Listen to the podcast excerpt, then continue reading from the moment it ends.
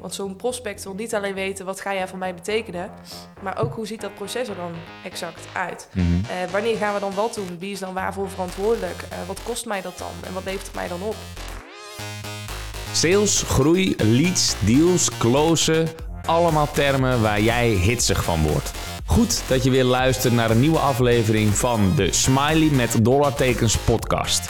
Ja, eerlijk, waardeloze naam, maar geweldige inhoud. Want samen met Pieter Res, en dat is volgens mij de beste business developer van Nederland, duik ik, Jordi Bron, in de wereld van sales. Al verkocht?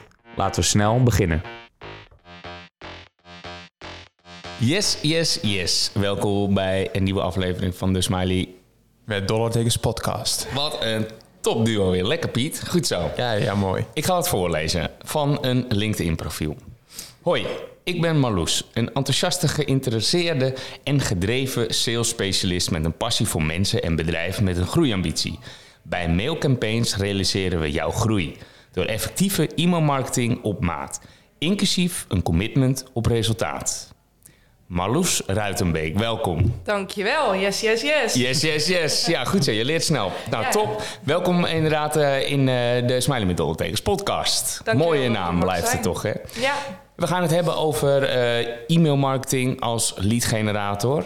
Ehm, want jij werkt dus bij mailcampaigns. correct. Ehm, leg even kort uit wat je daar doet. En ga iets verder op mijn ene zin uitleggen in. Als in, wat doet mailcampaigns dan? Ja, helemaal goed. Nou, ik ben Marloes. Ik ben manager sales bij Mailcampaigns. Mailcampaigns bestaat nu 11 jaar. Is ooit ontstaan als zijn een organisatie die e-mailsoftware maakte, ontwikkelde en eh, zo ook verkocht aan met name B2C-organisaties. En gedurende de jaren is er steeds meer een behoefte gekomen voor hoe gebruik ik nu die tool het allerbeste om er ook het beste resultaat uit te halen. En zodoende is eigenlijk de strategie veranderd van SaaS-leverancier naar vooral eh, e-mailstrategie. Dus hoe gebruik je eh, het e-mailkanaal nu tot, tot een bepaald resultaat te komen. En dat resultaat is ook steeds meer centraal komen te staan. Dat is eigenlijk hetgeen wat centraal staat. Ehm, en dat is ook wat dus in mijn LinkedIn-profiel staat. Ja. En wat wij ook zeggen vanuit Mailcampaigns... is dat wij commitment geven op resultaat. Ja, eh, precies. Eh, laten we dan toch even iets eh, dieper daarop ingaan. Op dat resultaat dan. Ja. Voor wie is de, eigenlijk de eerste vraag. Wie zijn de klanten van eh, mailcampaigns? Met name 90% van al onze klanten... we hebben ongeveer zo'n 300 klanten op dit moment... Het grootste deel van onze klanten zijn B2C-organisaties... Mhm. ehm, met vanaf een nou ja, omzet van anderhalf miljoen... Ja, tot aan klanten met een omzet van rond de 200, 300 miljoen per jaar. ja, Die met name in Nederland actief zijn, maar heel veel van onze klanten zijn ook actief buiten Nederland. ja. En dan hebben we het dus over de B2C en de retailbranche. We hebben ook klanten afkomstig vanuit andere branches, maar met name B2C en retail. B2C en retail. Is dat- Ja. dus, maar retail is bijna altijd B2C, toch? Ja, het is inderdaad, het gaat mij voornamelijk om de combinatie. Eh, dus niet alleen webshops, maar Ja. ook organisaties die wellicht een webshop hebben, maar ook een fysieke winkel. Ja, precies. Ja. Oké, en eh, vanuit die fysieke winkel, eh, stel dat ik, ja Piet, jij weet het, ik ga altijd naar de G-Star, lekker, lekker vertrouwd. Dat is mijn, mijn winkel, mijn enige winkel ook, geeft me rust in mijn hoofd. Maar in ieder geval, als ik daar iets koop en ik krijg daarna die aanbiedingen in, de, in mijn inbox, dat zou zomaar van jullie kunnen komen. Absoluut. Ook als ik in de fysieke winkel alleen geweest ben. ja, dus. klopt. Ja. ja, En dat betekent wel dat je daar dus ook op e-mailadressen moet hunten in de winkel zelf. klopt helemaal. Ja. ja. En helpen jullie daar, daar dan ook bij, dat, bij dat proces? Zeker, ja. Het is super belangrijk om eh, die combinatie heel erg goed te weten. Dus wat je eigenlijk wil weten is wie zijn je klanten, wie zijn je potentiële klanten. Waar komen die binnen? Is dat een fysieke winkel of is dat je webshop? Ja. En uiteindelijk, het hangt af van onze klanten. Er zijn klanten die een enorme focus hebben op offline. Dus die willen zoveel mogelijk klanten naar die winkels trekken. Mhm. Ja, dan is je e-mailstrategie anders dan wanneer je juist wil dat offline klanten, bijvoorbeeld als jij een woonwinkel hebt, Ja.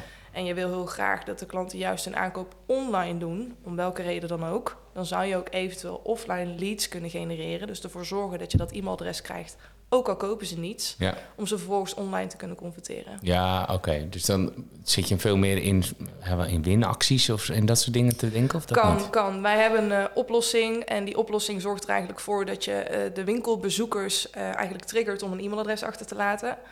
Ook al hebben ze op dat moment niks gekocht of zijn ze die dag helemaal niet van plan om iets te kopen. Hoe dan? Hoe dan? Wat is dan, die trigger? dan? Ja, nou, het werkt inderdaad wel zo dat er iets van een incentive tegenover moet staan. Eh, je ziet helaas nog vaak op eh, webshop staan, schrijf je in voor de nieuwsbrief. Ja. Ja, dat doet niemand. Want Nee. waarom? Ja, Eh, dat het voor jou fijn is, dat snap ik. Maar wat, wat zit erin voor mij? Waarom moet ik dat doen? Ja.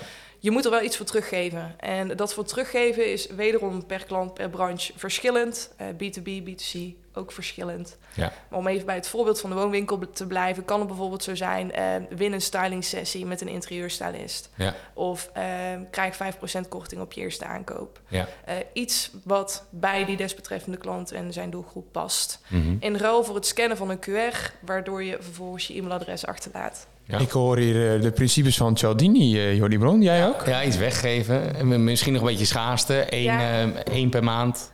En eh, ja, er moet iets speciaals tegenover staan. Klopt. Ik zelf ben wel altijd heel wantrouwend, zeg ik je eerlijk hoor. Dat is misschien leuk om te vertellen. Maar altijd als je kans maakt op, dan is het Ja. altijd eerst dat ik denk... ja, die wordt dus nooit weggegeven. of hooguit aan een familielid. Maar Ja. eh, dat, dat, ik ben zelf wantrouwend. Maar ik weet dat het nog steeds heel goed werkt. Het werkt nog steeds. Het hangt wel heel erg af van het type organisatie hoor. Je hebt ook organisaties die zitten zo erg op die kwaliteit of eh, duurzaamheid bijvoorbeeld. Dan is het heel gek als je met korting gaat strooien. Dan spreek je eigenlijk je eigen bestaansrecht tegen. Mhm. Ehm, maar voor de meeste e-commerce organisaties geldt wel dat ze vooral heel erg sturen op conversie. En als je wil sturen op conversie, dan zul je dus al snel een incentive gebruiken wat het stuurt ook op conversie. En dan Ja. kom je al snel bij een korting bij de eerste aankoop, Ja. bijvoorbeeld. Piet, heb jij veel eh nieuwsbrief in jouw persoonlijke e-mail? eh? Nee, echt heel weinig. Ik, ik denk eh, nul. Nul? Ja, echt, echt helemaal niet. Toevallig gisteren, toen zei mijn vriendin van... ja, we kunnen weer creatine bestellen met korting. Creatine, sporten. Jezus. Gebruik je dat? Ja, gebruik ik. Ik gebruik nog meer, maar dat ga ik niet vertellen tijdens deze podcast. ja, dus dan bestellen we het wel. Weet je, dus daar zijn we... Nou, tenminste, Imke heeft dan die nieuwsbrief. eh Imke, ja, mijn vriendin. Die heeft dan de nieuwsbrief en waar we dan wel eh, een aankoop mee doen. Maar ik, eh, nee, eigenlijk verder niet. Jij wel? Ja, ja, mijn punt was eigenlijk, ik was aan het voorbeduren op mijn punt, dat ik ook zoveel eh, nieuwsbrieven krijg. Ja. Echt wel tientallen per dag, eh, denk ik. En ik ben meer bezig eh, met me uitschrijven de hele tijd. Want bij een of andere manier blijft het maar, maar binnenkomen. Ja. Maar waar ik eigenlijk naartoe wilde, maar je helpt mij helemaal niet, Piet, dus dankjewel. Maar is dat het juist in die overvloed aan al die e-mails, nieuwsbrieven die iedereen ontvangt, behalve Piet, moet je dus wel eh, opvallen. Correct, ja. Helpen jullie daar ook nog bij, bij de insteek, het onderwerp en dat soort dingen? Ja, even terugkomend op het begin. Eh, wij committeren ons aan een bepaald resultaat. Dus wij zijn er ook bij gebaat dat e-mails goed afgeleverd worden, dat ze geopend worden en het liefst dat de actie die onze klant wil ook plaatsvindt. Ja. Dus wij adviseren het hele proces. En dat kan enkel advies zijn, dat kan ook ervoor zorgen. We kunnen ook de flows opzetten. Ja. Dus de geautomatiseerde flows. Dat is afhankelijk van wat de klant graag wil. Mhm. Maar we adviseren in het hele proces eh, van hoe genereer je nu zoveel mogelijk leads.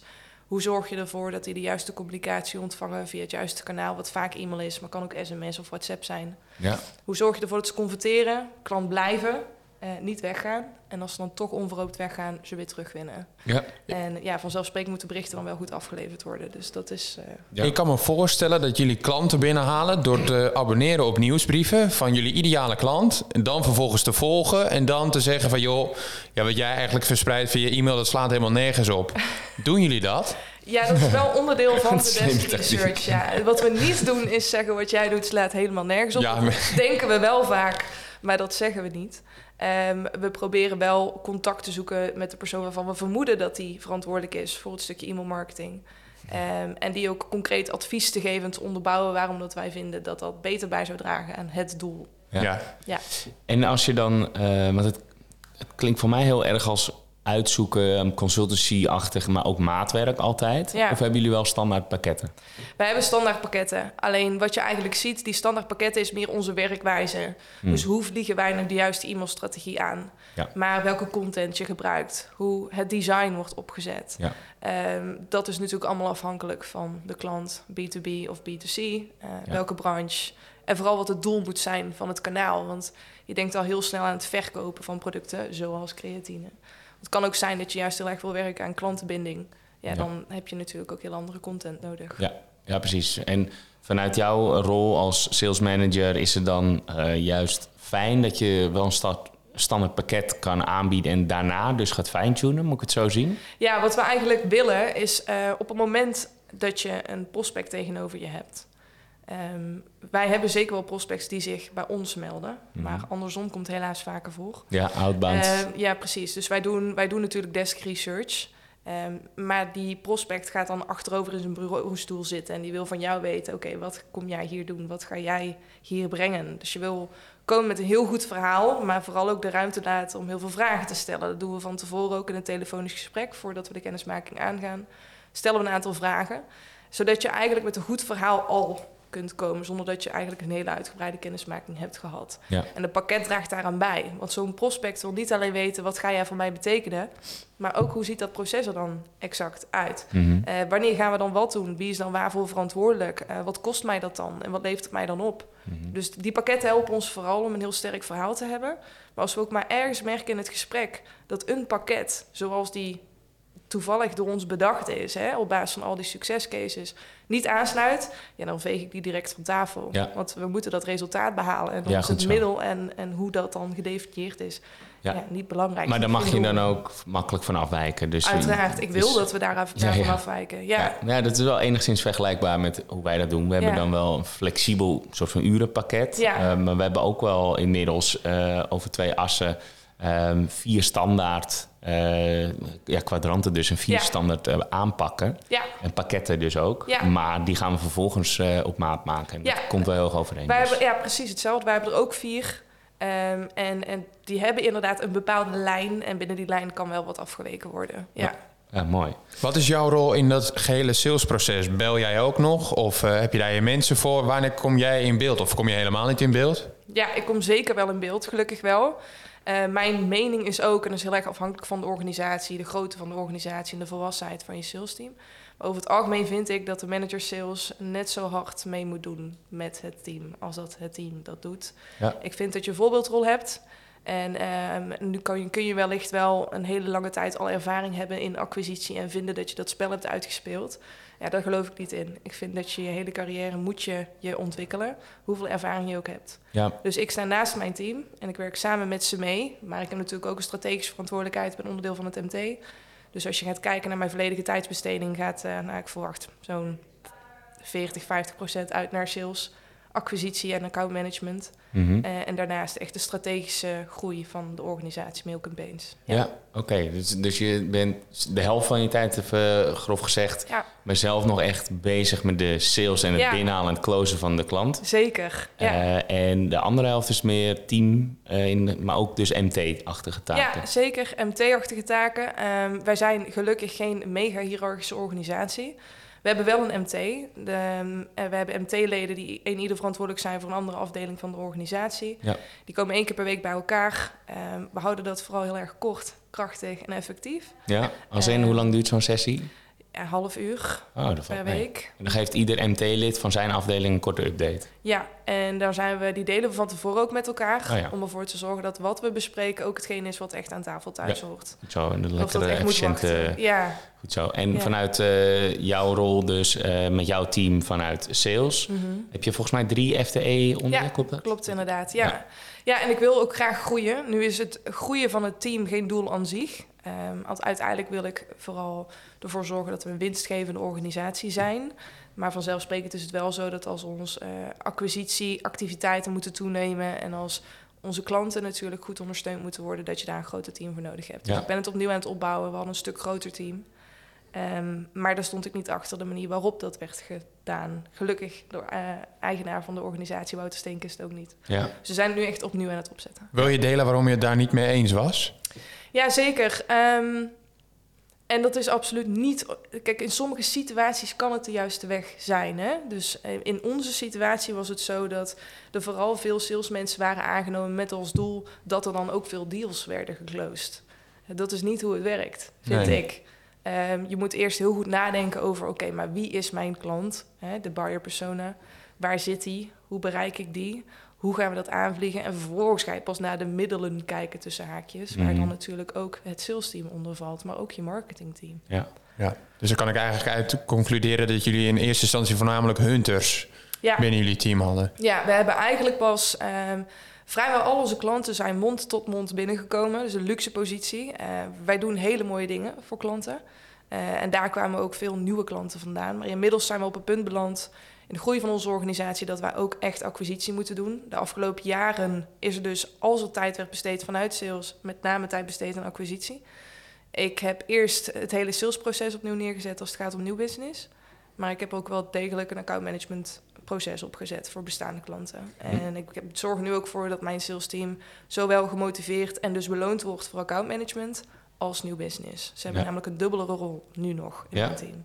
Maar dat betekent ook eh, die relatie onderhouden, Ja. ook als het al een klant is dus. Ja, ja, ja, en liefst zorg ik er ook voor dat als eh, iemand een bepaalde klant binnenhaalt, dat klinkt heel oneerbiedig, maar als er een nieuwe klant is, dat eh, die persoon ook de accountmanager wordt van dat account. Want die heeft dat hele proces meegemaakt, die heeft de kennismaking gedaan, die weet precies Ja. waarom ze uiteindelijk tot die samenwerking zijn gekomen. En dan Mhm. vind ik dat je ook eh, zichtbaar moet blijven. Maar er is dus niet een projectmanager of custom success manager die het overneemt. Ja, wel, want ehm, aangezien wij natuurlijk e-mailmarketing diensten aanbieden, wil ik dat eh, de kwaliteit van die diensten die we aanbieden natuurlijk super hoog is.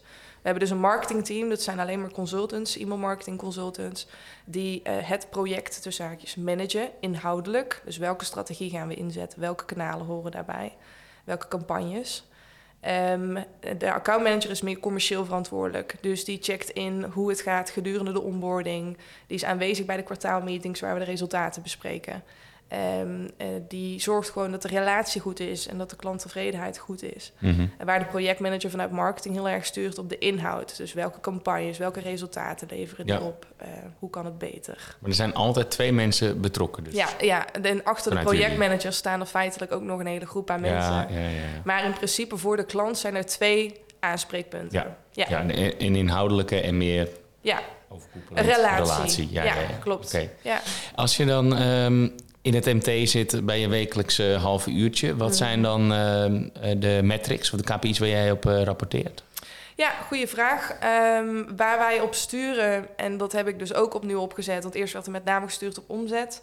Nu kijk ik natuurlijk ook naar een bepaalde stabiliteit. Dus ik kijk ook naar het stukje churn. Dus eh, welke eh, klanten van ons eh, nemen bepaalde diensten af en blijven die stabiel?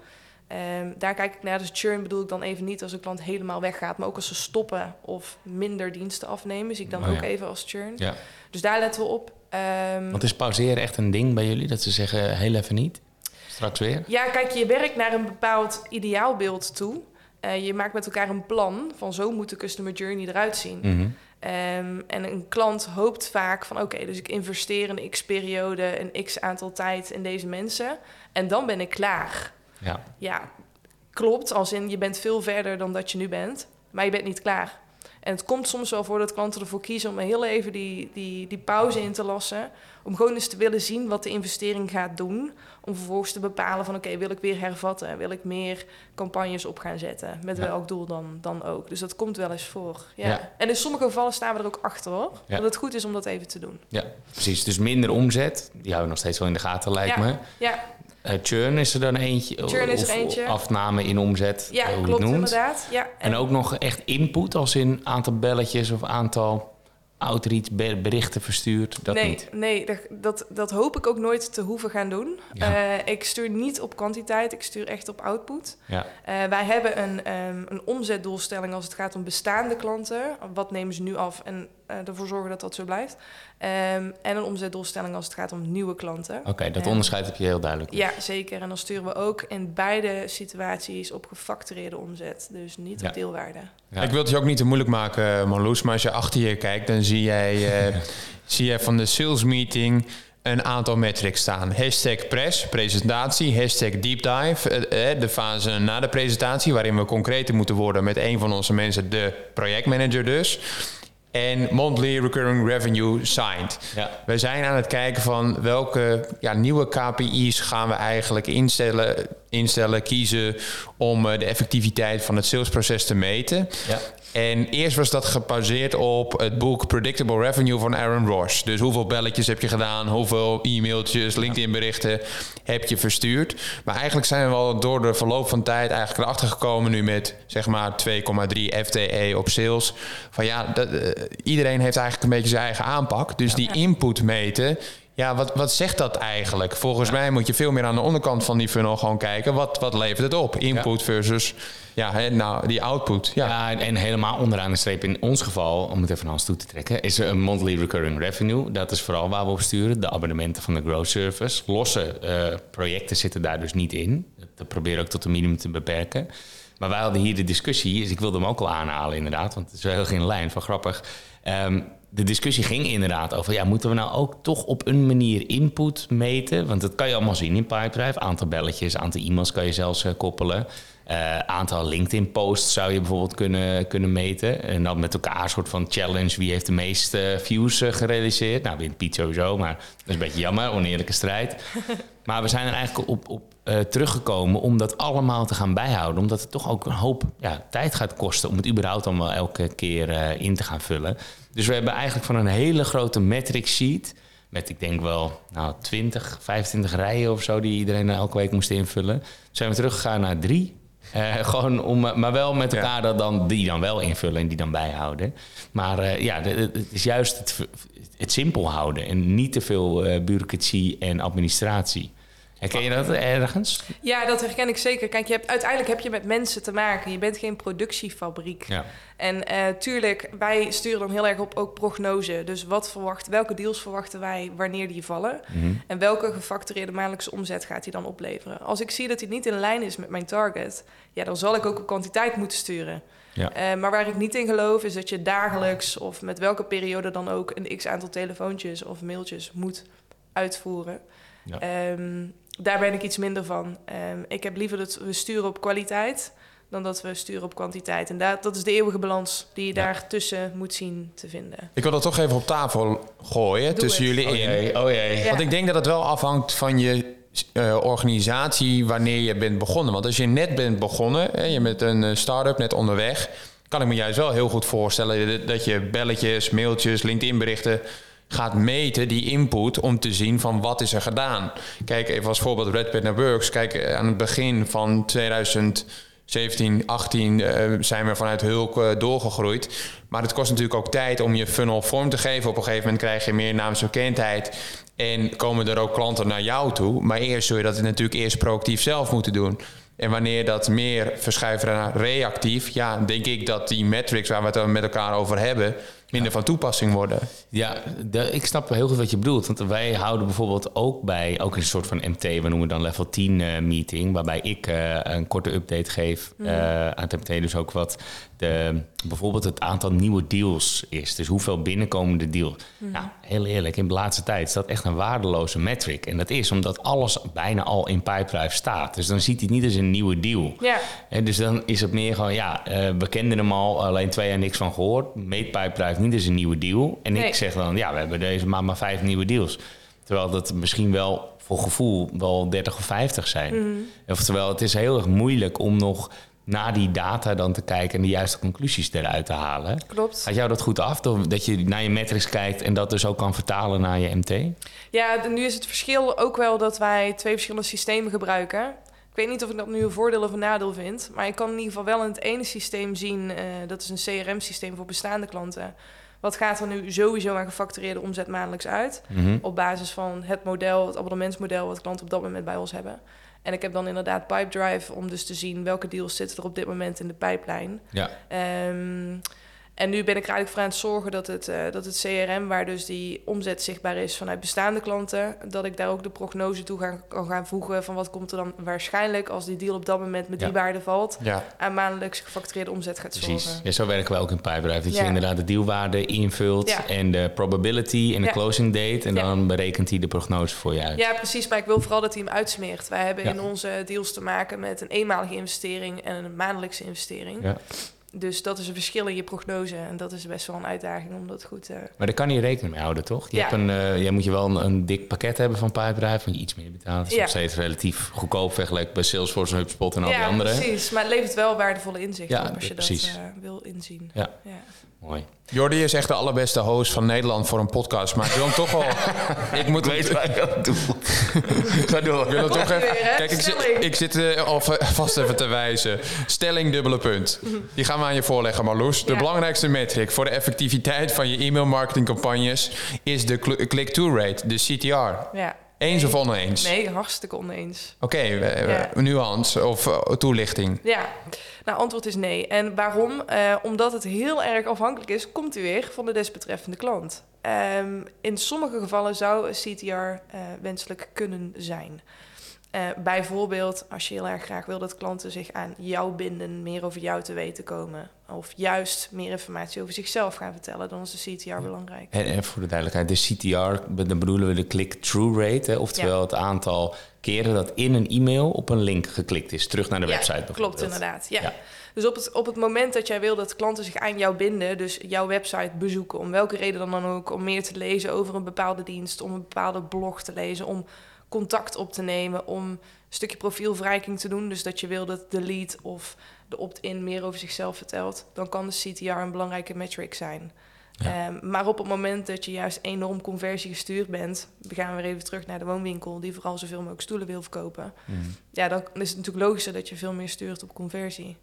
Dus Ja. de, de metrics waar je op stuurt, je stuurt allemaal op alle metrics die relevant zijn voor e-mail marketing. Hè? Alle, beka- alle bekende metrics stuur je op. Maar wij spreken dus een bepaald resultaat af. En dat resultaat is afhankelijk van de bedrijfsdoelstelling van onze klant. Ja. Ehm, en vaak is dat toch wel heel erg conversie Ja. gestuurd.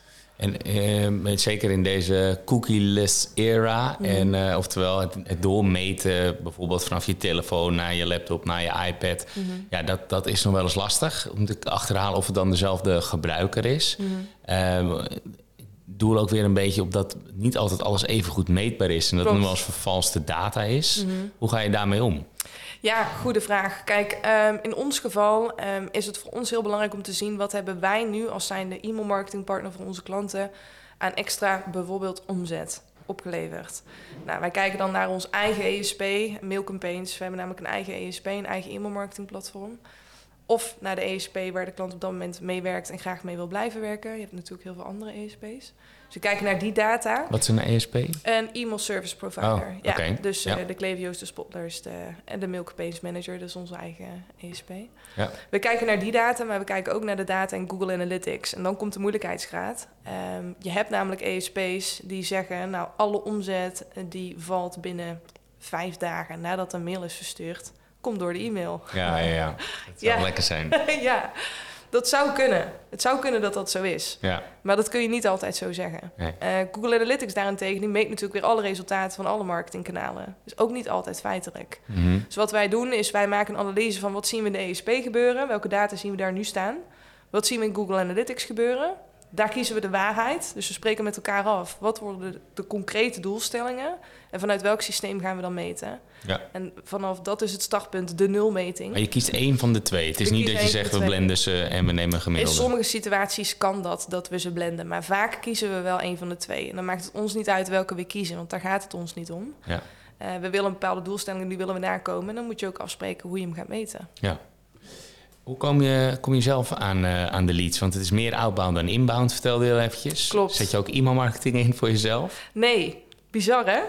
ja. ja, hoe bizar. Practice what you preach, mij niet heus. Nee, maar toch is, eh, je zei het al, eh, je zet het voor jullie klanten, wat vooral retail dan eh, is Ja. B2C in. Eh, dat is natuurlijk een compleet ander spel. ja klopt. Eh, wij zetten het voor onze klanten nog wel eens in. En dan heb ik het echt over koude e-mailcampagnes. Mhm. Dat kan best wel veel opleveren. Dat doe je dus niet voor jezelf. Nee, Wat doe je wel? wat doe ik wel?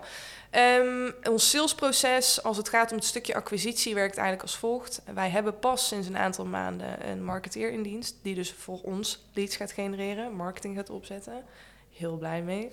Ehm, tot die tijd was het zo, en dat is ongeveer in dezelfde tijd eh, ge- ge- zo dat ik in dienst kwam van Mail Campaigns. Wij hebben een, een leadlijst, en dat is eigenlijk de lijst met alle bedrijven, eh, met name in Nederland en België, die vallen binnen onze buyer persona. Dat is de ideale klant. Een soort van wishlist, wensenlijstje met namen waar we heel graag aan tafel willen komen. Omdat we gewoon weten, die kunnen we verder helpen. 100%. Mhm. Daarnaast hebben we nu inmiddels ook te maken met het feit dat we allerlei whitepapers delen. Dat we events organiseren. Daar komen natuurlijk ook leads op binnen. Wat voor events zijn dat? We gaan eh, dit jaar sowieso eh, op verschillende beurzen staan. Eh, maar daarnaast hebben we ook de plan om online events te gaan organiseren. Dus Ja. echt webinars. Maar dan webwinkelvakdagen bijvoorbeeld. Bijvoorbeeld, ja. Ja. ja. Ehm, dus we hebben eigenlijk een, een bak aan leads. Maar dan ga ik nu even in dit verhaal uit van ons, onze wishlist. Dus Ja. de namen waar we graag aan tafel willen komen. Wat we doen is ten eerste desk research. Dus we gaan kijken, oké, wie is de DMU?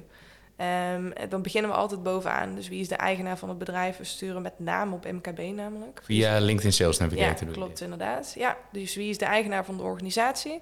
Is er eventueel sprake van een marketingdirecteur of een marketingmanager?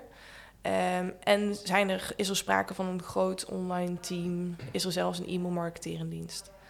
Vervolgens eh, kijken we natuurlijk op hun LinkedIn-profielen. Wat liken ze, wat houdt hen bezig, wat plaatsen ze, ook op hun eigen bedrijfspagina. Maar ook wat staat er op de website of webshop. Ehm, kunnen we interviews vinden online? Heel veel MKB-organisaties, ondernemers zijn veel bij interviews of podcasts aanwezig. Dus we kijken eigenlijk van, oké, wat kunnen we allemaal vinden in de online wereld over dit bedrijf? Mhm.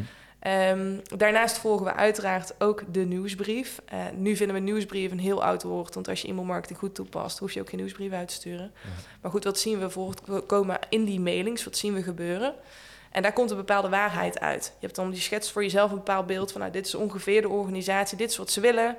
Dit is eh, wat ze nu doen om dat doel te bereiken. En dit is wat wij denken hoe het beter kan. Mhm. We hebben een, een sales, een mailpitch moet ik eigenlijk zeggen. We hebben een mailpitch per branche. eh, die heel erg inspeelt op eh, de problemen die de bedrijven daar ervaren. Ehm, dat proble- kunnen problemen zijn zoals dat ze eigenlijk geen flauw idee hebben welke potentie er letterlijk aan euro's binnen dat kanaal voor ze ligt. Dat kunnen wij namelijk voor ze berekenen. Het kan een uitdaging zijn dat ze eigenlijk helemaal niet weten hoe ze klanten lange termijn aan zich kunnen binden. Want het kost zoveel geld om al dat websiteverkeer naar je website te krijgen. Maar hoe bind je ze nu aan je? Dat, dat het lange termijn Ja. zichzelf ook rendeert. Ehm, dat soort uitdagingen stippen we aan in die mailpitch die wij versturen. En Mhm. vervolgens eh, eh, zetten we in diezelfde mail ook neer van... nou, wij zijn Mailcampaigns. Dit is hoe wij het voor jou kunnen oplossen. En dit Ja. is hoe wij het voor anderen hebben opgelost. Altijd met bewijzen bij. En dit is dan eh, alleen tekst, maar Ja. een bewijs in de vorm van afbeelding misschien erbij. Maar- Nee, dit is echt een serieus handgeschreven mail die wij versturen vanuit Ja. Outlook. Oké. Volledig handmatig. Dus dat nemen we ook heel serieus. Daar Ja. gaat veel tijd in zitten. hè. En dat is ook een van de redenen waarom dat ik eh, contact met jullie heb gezocht. Van oké, ik kan dit niet slimmer, want het kost heel veel tijd. Ja, Ja, Maar wij willen ook heel graag dat de ontvanger van de mail het gevoel heeft dat iemand inderdaad die tijd heeft genomen om zo goed onderzoek te doen, die zo overtuigd is van dat, dat ze het bedrijf verder kunnen helpen. Eh, en, niet zomaar een koude mail die automatisch is verstuurd vanuit de DSP. Nee, er is serieus onderzoek naar jouw bedrijf gedaan. ja, ja.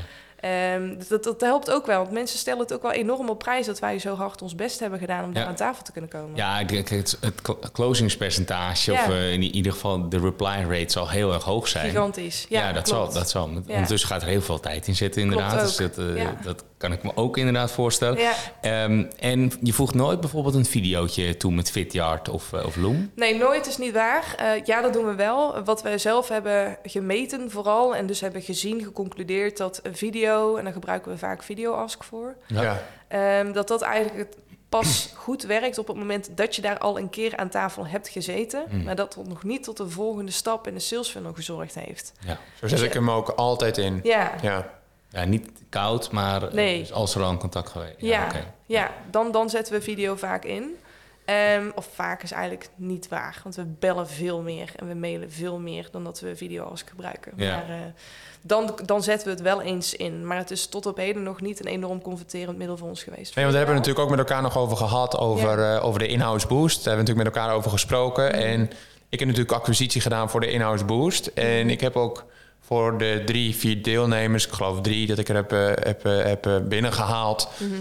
Had ik na iedere call had ik een korte recap gedaan. En Ja. twee keer moest het nog intern besproken worden. En ik weet nog, één van die twee, die ging het bespreken met de business development manager. Dus wat ik deed in die video, in de introductie van... eh hey naam, eh, doe jij dit ook zo? Toen sprak ik die business development manager dus aan van... dit werkt voor mij heel goed en eh, nou goed, neem dit alvast even mee als tip. Ja. en die is drie keer bekeken of zo. En ik weet, ja, dit, dit draagt gewoon 100% bij aan het beter closen van een deal. Maar met Loom dus, geen video task. Ja, en je zegt eh, in-house boost. Dat is eh, een nieuwe service eh, Ja. voor ons in de pilotfase. En we Ja. hadden tegen elkaar gezegd, laten we het nou nog niet openbaar maken. Oké, We blijven nog oké, onder de sorry. radar.